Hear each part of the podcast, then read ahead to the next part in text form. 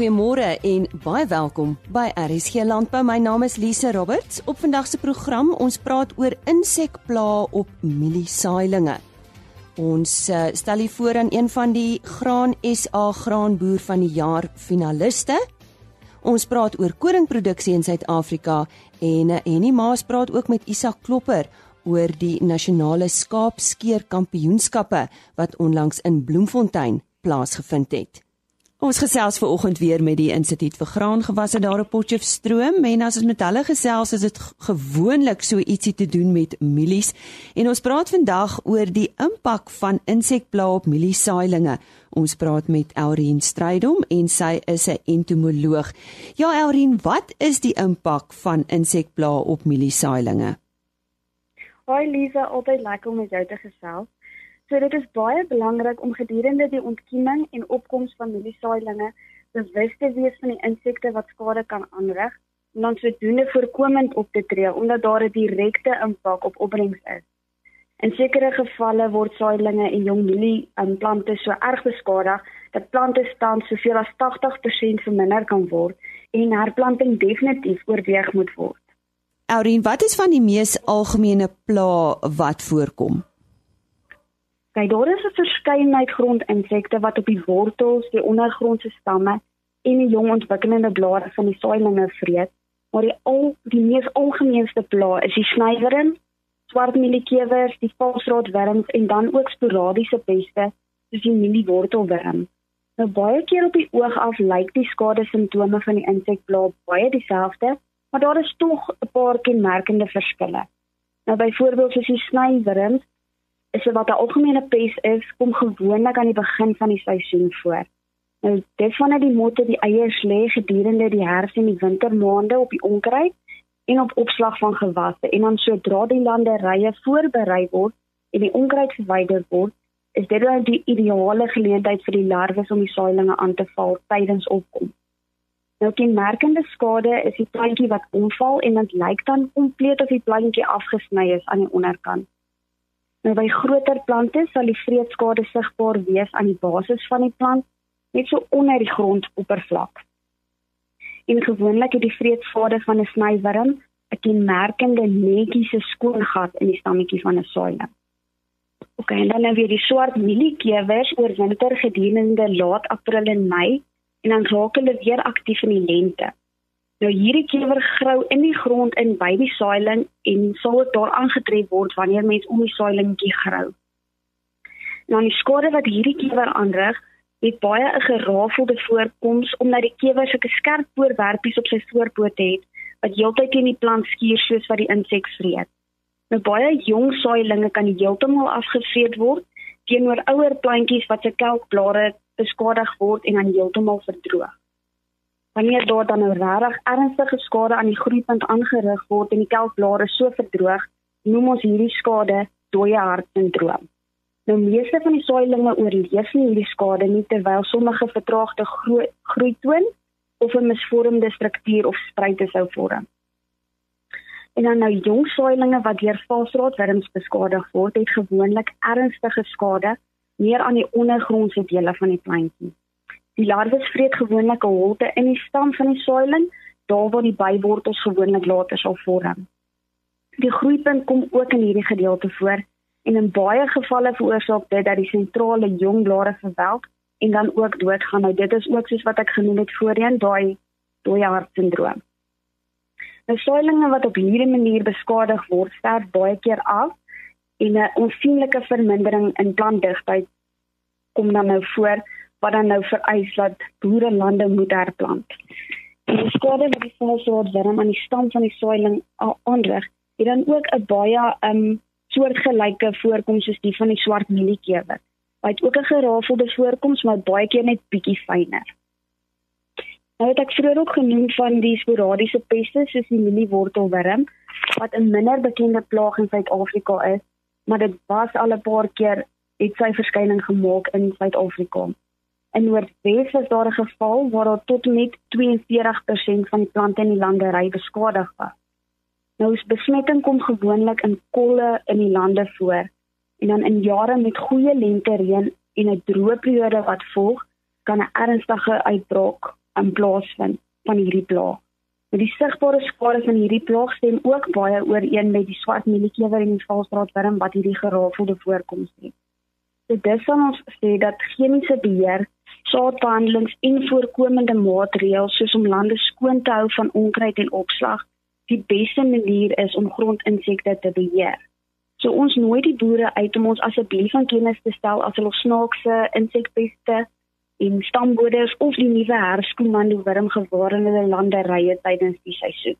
Dan kan hulle ons kontak op ons kantoornommer by 018 299 6376. Herhaal net vir ons daai telefoonnommer asseblief Elrien.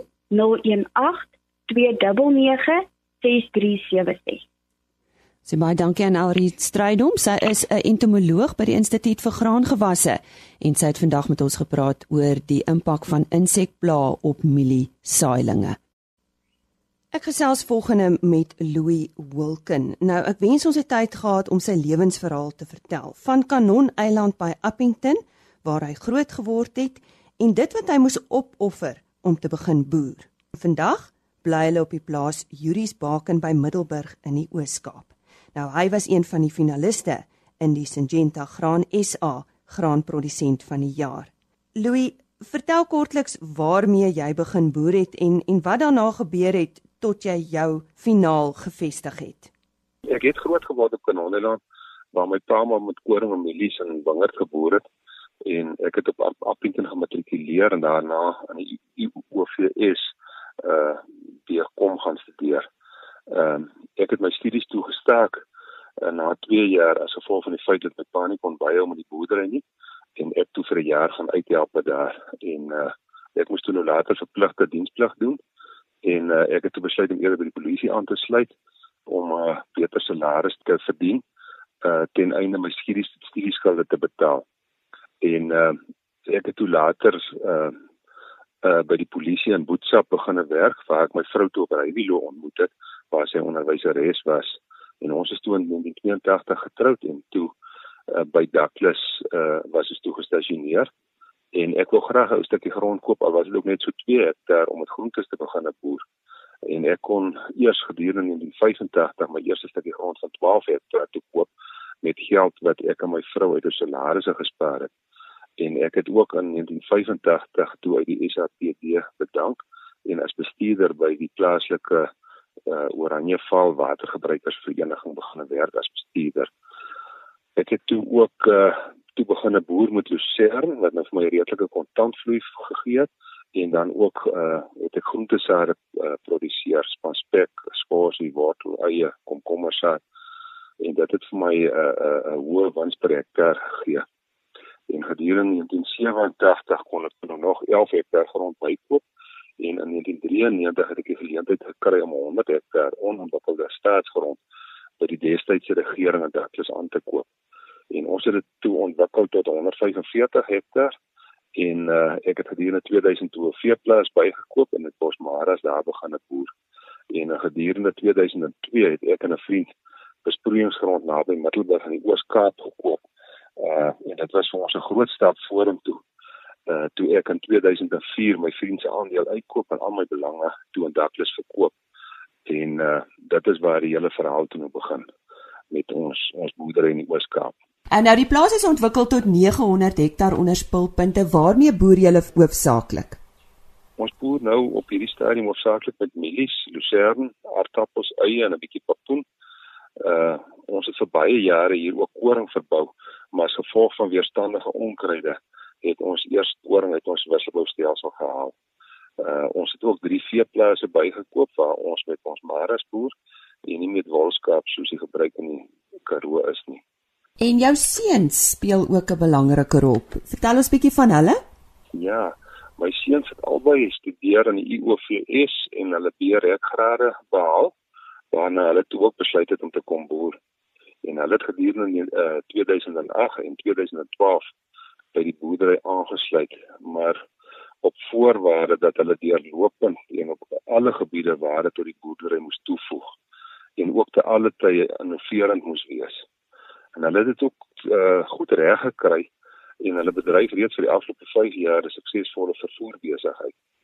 Uh die seuns uh moes ook in hierdie vervoer besigheid reeds op 'n jeugdige ouderdom met geharde besigheidsmanne onderhandel en uh hulle man in 'n in 'n in die besigheidswêreld staan.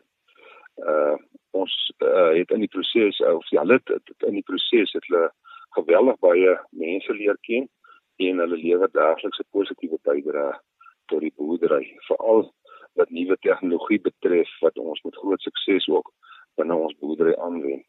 Uh dit maak ons positief en ook opgewonde oor die toekoms. En ons sien uit daarna en na na nuwe tegnologie wat nog op ons wag. Uh dit is vir ons voorwaar 'n groot deel van ons boerdery. Ja, kom ons gesels bietjie oor uh oor die boerdery. Uh watter rol speel presisie boerdery, Louis? uh wie ons kan ons nie meer indink sonder presisie boerdery nie en en uh maak ons gebruik van presisie planters ons maak gebruik van satellietbeelde ons het ook ons eie drone uh waarmee ons uh, sekere opnames maak op ons lande. Uh ons gebruik ook uh, GPS begeleiding met ons implemente en planters uh ons het gerekenariseerde uh spulpunt beheerkaste uh om sover moontlik ons water perfek toe te dien. Vertel ons bietjie van julle produksiepraktyke. Ons is uh, ook aardappelmoerkweekers vir GWK en omdat uh, aardappels by ons slegs elke 6de jaar dieselfde grond verbou mag word, bepaal aardappels hoofsaaklik dan ons wisselboustelsel. En op hierdie stadium plant ons hoofsaaklik uh, 58% van ons grond onder mielies, so 20% aardappels, 15% is onder lucerne, uh, 5 persent maar nog meer papoen en dan so 'n bietjie eie. Uh so dit is basies wat ons wat plant op hierdie stadium en dan is natuurlik die beeste wat die wat die oesreste bewy. Die ons mielie oesreste word deur deur beeste bewy dan. En julle bewerkingspraktyke? Ja, ons het 'n grond met 'n redelike hoë klei inhoud so tussen 20 en 30% en ons boer in sommige gevalle op baie baie vlak gronde en dit verg baie goeie bestuur die uh, mieliereste soos ek gesê het word deur die beeste bewy en geen reste word verbrand nie. Uh alles gronde uh, uh lê op vir 6 maande rusperiode en word die reste in 'n deklaag dan bewerk en met 'n uh, uh, skotelimplement en dan bewerk ons die grond tot omtrent 350 mm diepte met 'n buikelploeg voordat ons plant. En uh mielies word so op 'n hoogte van van 300 tot 400 mm liggies geskoffel om die grond te deurlig en suurstof in die grond te kry. En dan maak ons ook gebruik van skorrel en tandimplemente dan nou om die gewenste resultate te kry. Louis en dan lees ek water is julle grootste beperking om die plaas. Hoe hoe bestuur julle dit? Ja, wie nie unieke roos dit 'n kosbare bron vir ons, jy weet, dis dis dis regtig uh wonderlik om water te kan hê hierso en uh, ons het oor die afgelope paar jare besef dat dit eintlik gaan oor die meeste wins per kubieke meter water en nie noodwendig uh, die meeste wins per hektaar nie. So uh, dit gaan dan oor hoe effektief ons gewasse met ons waterkwota kan produseer want dit is as jou kwota klaar is, is jou kwota klaar. Jy weet dan kan jy nie verder aangaan nie. En ons water word streng gemeet en ons het 'n toepassing op ons slimfoon waarmee ons al ons meters kan monitor en dan die stroomgrootte en sluis direk vanaf hierdie toepassing uh kan ons verstel en aanpas jy weet uh ons skeduleer ook volgens gewas uh faktore en bepaal ons ons hoeveelheid water uh, wat ons benodig volgens gewas uh, faktore en gewasverbruike en dan deur middel van uh, grondvolgmeters word dit gemonitor en dan uh, laat ons net genoeg uh, water uh, uh, los om om om uh, optimaal dit te gebruik en te produseer. Ehm um, so ons wil nie onnodig water uh, te veel gee nie. Uh, dit is dit het 'n baie beperkende effek. Uh, te veel water of versy toestande het 'n geweldige beperkende effek op op op op die groei van gewasse. So ons uh, wil glad nie dat daar oorbesproeiing plaasvind nie, want die water is ons te kosbaar. Ja, en so ook in Suid-Afrika, né? Kosbaar ja, vir ons. ja, Louis, baie baie kosbaar. Julle glo aan die opheffing en bemagtiging van die arbeidsmag op julle plaas. Hoe hoe spreek julle dit aan? Wie jy ek dink ons ons werkers is ons grootste baat op die plaas en ek dink 'n gelukkige werker is 'n nog groter baat, jy weet. Uh, so ons probeer ons werkers ingelig hou rondom ons beplanning uh, vir ons plant en ons oesseisoen sodat elkeen weet hoe die program daarna uitsien. Dan ehm um, probeer ons ook ons werkers in hulle vrye tyd besig hou en ons het 'n uh, uh, ons eie sokkerspan en hulle speel in ligas teen naburige dorpe en hulle het ook al talle trofees gewen waarop hulle baie trots is. Uh verder verskaf ons rentevrye lenings aan ons werkers om hoofsaaklik dan ook meubels en voertuie aan te koop. En gedurende die oesseisoen wat vanaf Maart tot Oktober strek, uh word daar middagetes aan al die werkers voorsien, asook die vaste werkers se kinders. En kook ons vir uh, vir soms tot vir 300 mense op die plaas. En soos ek vroeër ook vir Louis gesê het, uh, mens kan net aanhou en aanhou gesels oor die wonderlike werk wat ons landbouers vir hulle werkers en hulle gemeenskap doen.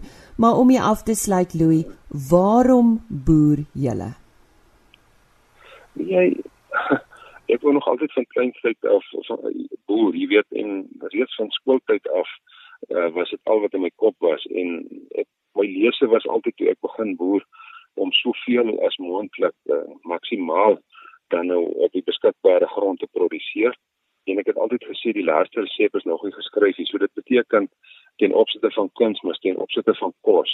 So daar lê geweldige klomp uitdagings in die landbou voor en ek dink die uitdagings is is is onbeperk in die landbou en dit bly 'n avontuurlike reis en dit laat jou voete, dit laat jou op jou voete dink. En ek dink uh, dit is juis dit wat die adrenalien elke dag laat klop en ons binne die landbou hou. Ek weet my seuns uh, het ook met die boerdery groot geraak en al sy uitdagings en en ehm um, hulle het die geleentheid gehad om te studeer en hulle grade te behaal, maar hulle eerste keuse was maar om terug te kom plaas toe en die boerdery aan te pak, jy weet. Nou ja, ek het daar gepraat met 'n produsent wat al diep spore getrap het in Suid-Afrika, Louis Wilken, en hy was vanjaar een van die finaliste in die Syngenta Graan SA Graanprodusent van die Jaar kompetisie. Om meer uit te vind oor skaapskeer in Suid-Afrika, sluit ons nou aan by Henny Maas. Nou praat ons met Isa Klopper van die uh, NWKV en ons gaan praat oor uh, die skaapskeer kompetisie. Nou dit is eintlik 'n kampioenskap uh, wat uh, plaasvind. Uh, die nuwe siklus het nou pas begin, né, Isak? Ja, wie en ons het so 'n stuk of 9 provinsiale kampioenskappe wat in die wolproduseerde deure van Suid-Afrika uh, aangebied word en waar die ouers dan kan kwalifiseer om na die SA te gaan einde in April. En hoe lank uh, is hierdie kampioenskap al aan die gang? Dit is wie die SA kampioenskap, dink ek is die eerste een was in 81 of 82 aangebied. Uh maar daai jaar het ons baie min provinsiale kampioenskappe gehad. Ons het die laaste seker 4, 5 jaar 'n groot poging aangewend om om die provinsiale kampioenskappe uit te rol dat dat al die provinsies, al die wolproduserende dele uh 'n kompetisie in hulle omgewing het soos dit byvoorbeeld in Mpumalanga, ons het Noord-Kaap, Oos-Kaap, Wes-Kaap, die Swartland, Noord-Oos-Kaap, ons het in die Vrystaat, Suid-Vrystaat, hier in die Noord-Vrystaat. Uh so dis geleenthede wat jy die kompetisie vat na mense toe dat hulle sonder groot koste kan kan deelneem en en, en daar kwalifiseer om by die SA te gaan deelneem. En en hoe is die belangstelling deesdae? Ja, ons het goeie belangstellinge dan nog af jy die ouens moet dit is maar 'n koste om by 'n by 'n kompetisie uit te kom want en die man moet uit opweeg is die dag wat hy uit die werk uit is wat hy 'n verlies aan inkomste het. Uh sien hy kans om daai verlies aan inkomste te hê terwyl hy vir ons se sport te beoefen. Maar ek dink tog die ouens is redelik uh, entoesiasties en en ek dink veral volgende jaar uh is die wêreldkampioenskappe so ons gaan daar prom want by die SA skies ons die Suid-Afrikaanse span wat wêreldkampioenskap in Frankryk toe gaan so daar's so 'n bietjie van 'n wortel voor die neus die manne dink ek gaan gaan redelik goed ons ons provinsiale kompetisie ondersteun die jaar. Dit was in die verlede so dat daar van die buurlande ook deelnemers is, is ek reg? Ja, wie ons het nou maar 'n groot deel van ons Afrikaanse skeers op bord hulle soeteburgers geskeer so uh hulle uit die aardse saak is nou maar deel van ons stelsel so hulle neem ook aan die provinsiale kampioenskappe deel en net soos die Suid-Afrikaanse ouppies kan hulle dan ook kwalifiseer om dan nou net by die SA's in die SA oop afdeling deel te neem. So ons net 'n onderskeid getref daar om die SA burgers een kant te kry en dan die SA oop wat hulle dan almal die aan die mekaar deelneem. Hierdie burgers van Lesotho doen glad nie sleg nie, nê. Nee. Nee nee, hulle is nie dis die aardse saak is dat die groot tot 'n groot mate die ruggraat van ons skeerbedryf in Suid-Afrika en daarom is daar nou ons soos uh, Elton Sombo byvoorbeeld wat by vier keer wêreldkampioen was in die handskeer uh so hulle hulle is definitief baie goeie skeerders en, en baie goeie werk en baie baie goeie werksmag.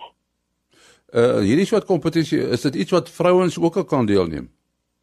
Ja, wie en ons het nou probeer, ons is nog nie op daai vlak soos hulle in Nieu-Seeland en in Australië het wat hulle dames afdelings het nie, maar ons het nou so in 2013 begin wat ons die kompetisie uh verdeel in verskillende vaardigheidsvlakke. So ons het byvoorbeeld uh die, die interskole kompetisie by die SA's wat skooliere te mekaar deel, want ons het 'n junior afdeling. Uh dis nou mense wat minder as 50 skaap per dag skeer, min of meer en 'n intermediate afdeling en dan 'n oop afdeling is ons wat meer as 120 'n dag skeer. So die die dames kan in daai verskillende divisies kan hulle gaan deelneem uh en wat hulle hulle vaardigheid meet teen ouens wat min of meer dieselfde vaardigheidsvlak as hulle het. Dit dit lyk my jy's jy's 'n besige man met hierdie kompetisie, né? Ons is redelik in die gang. Ons het ook nou so 'n paar jaar terug begin met 'n wolkklas kompetisie weet ons lei skeders op en ons skeders het al die potensiaal van hulle om 200 skape per dag te skeer. En uh die wolklassers het nog net die die die die spoed om voor te bly in die in die in die in in die skeer skuur nie. So ons het hierdie skeer uh of die wolklas kompetisie by die SA's nou begin ontwikkel en, en dit gaan oor oor spoed en kwaliteit van vakmanskap. So die dames kan veral daarso uh tot hulle regkom en ons het dan ook die laaste paar jaar was Emma Kitching, 'n dametjie van Grootfontein Landbou College vroeër jare en sy is nou werksaam by BKP op die aard as 'n skeepdiensbeampte. En so sy was nou 'n paar jaar in die SA span gewees uh wêreldkampioenskappe toe so uh ja, dit ons sal sien dat dit is interessant sien hoe, hoe hulle ontwikkel. Ons sê baie dankie aan Isa Klopper van die NWKV wat gesels het oor die uh die skaapskeer kampioenskappe. Dankie Henny. Na die vorige seisoen se moeilike produksieomstandighede in veral die Wes-Kaap, lyk hierdie seisoen se koringoeste aansienlik beter met 'n goeie reën wat op kritieke tye voorgekom het.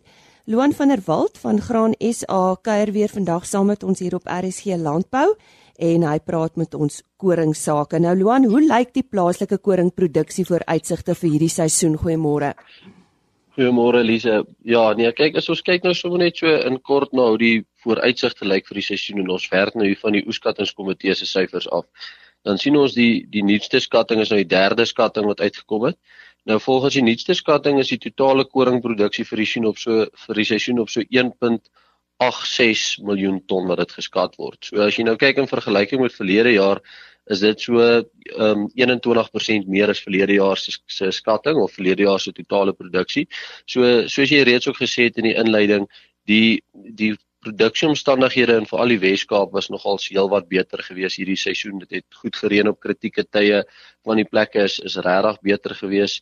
Ehm um, en en daar's goeie opbrengste daar. Die die een groot ding wat nou wel die afgelope 2 weke bietjie gebeur het, is baie windskade wat nou nogals negatief is vir die produksie en ek dink baie van die van die produksie wat baie hoër geskat was aanvanklik het met die met die ongelooflike sterk winde wat daar was het nou bietjie skade opgedoen. So dit sal dalk bietjie bietjie swakker wees wat die totale effek gaan wees. Dit is dalk maar in gedeeltes, maar die totale effek op die oes gaan wees is dalk nou is moeilik om dit om dit nou vooraf of nou te te sê. So dit sal maar gesien word as daar gestroop word, maar daar is beslis um, definitief windskade gewees in in groot gedeeltes van die Swartland en selfs gedeeltes in die Suid-Kaap ook.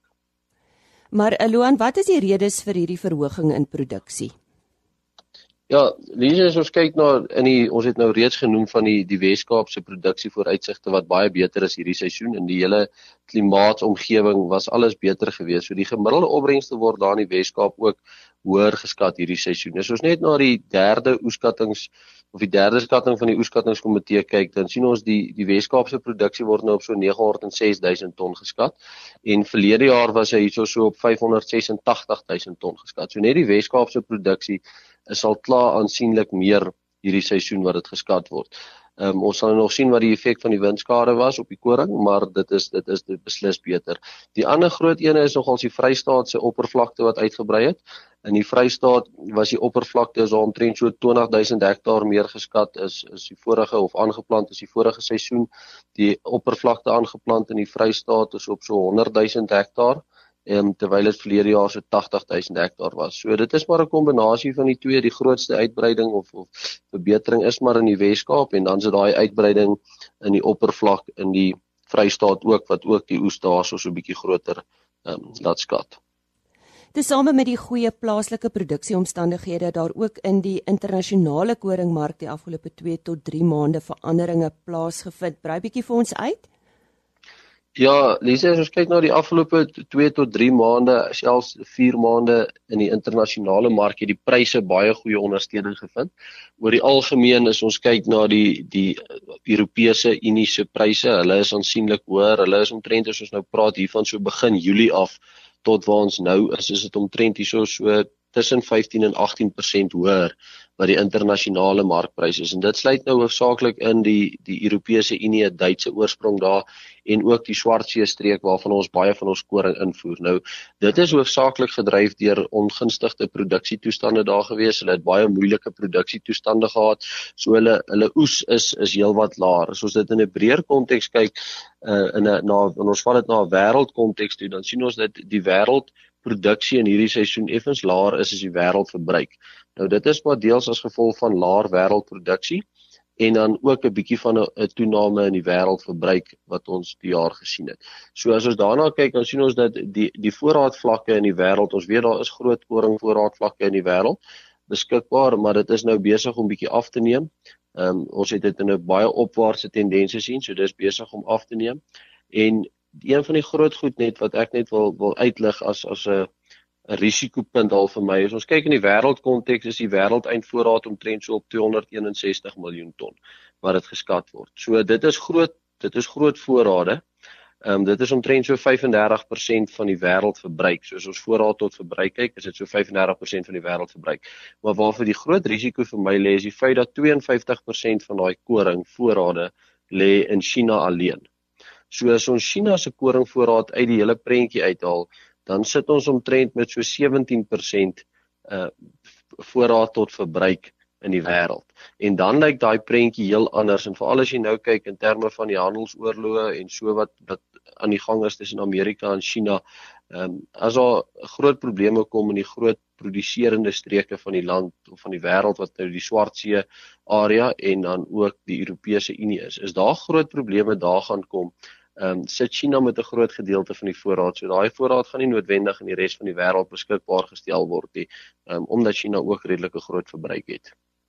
Waarna moet produsente kyk wanneer hulle bemarkingsbesluite neem? Lisa, ek dink die groot goed waarna ons moet kyk is ons moet sê maar wat wat bepaal in werklikheid eintlik die groot gedeelte van ons prys. So wat is die wat is die prysdrywers plaaslik? As ons nou kyk, die twee grootste goed wat ons plaaslike pryse dryf is maar die internasionale prys en die wisselkoers. En dit is ons weet dit van ons ons is 'n netto invoerder van koring op hierdie stadium. So ons voer in, so ons pryse is maar altyd redelik naby aan 'n invoerpariteitsprys. So daai twee faktore is met die twee groot goed wat ons plaaslike prys bepaal en dit is dan die twee faktore wat die produsente moet dophou ook wanneer hulle hulle bemarkingsbesluite neem.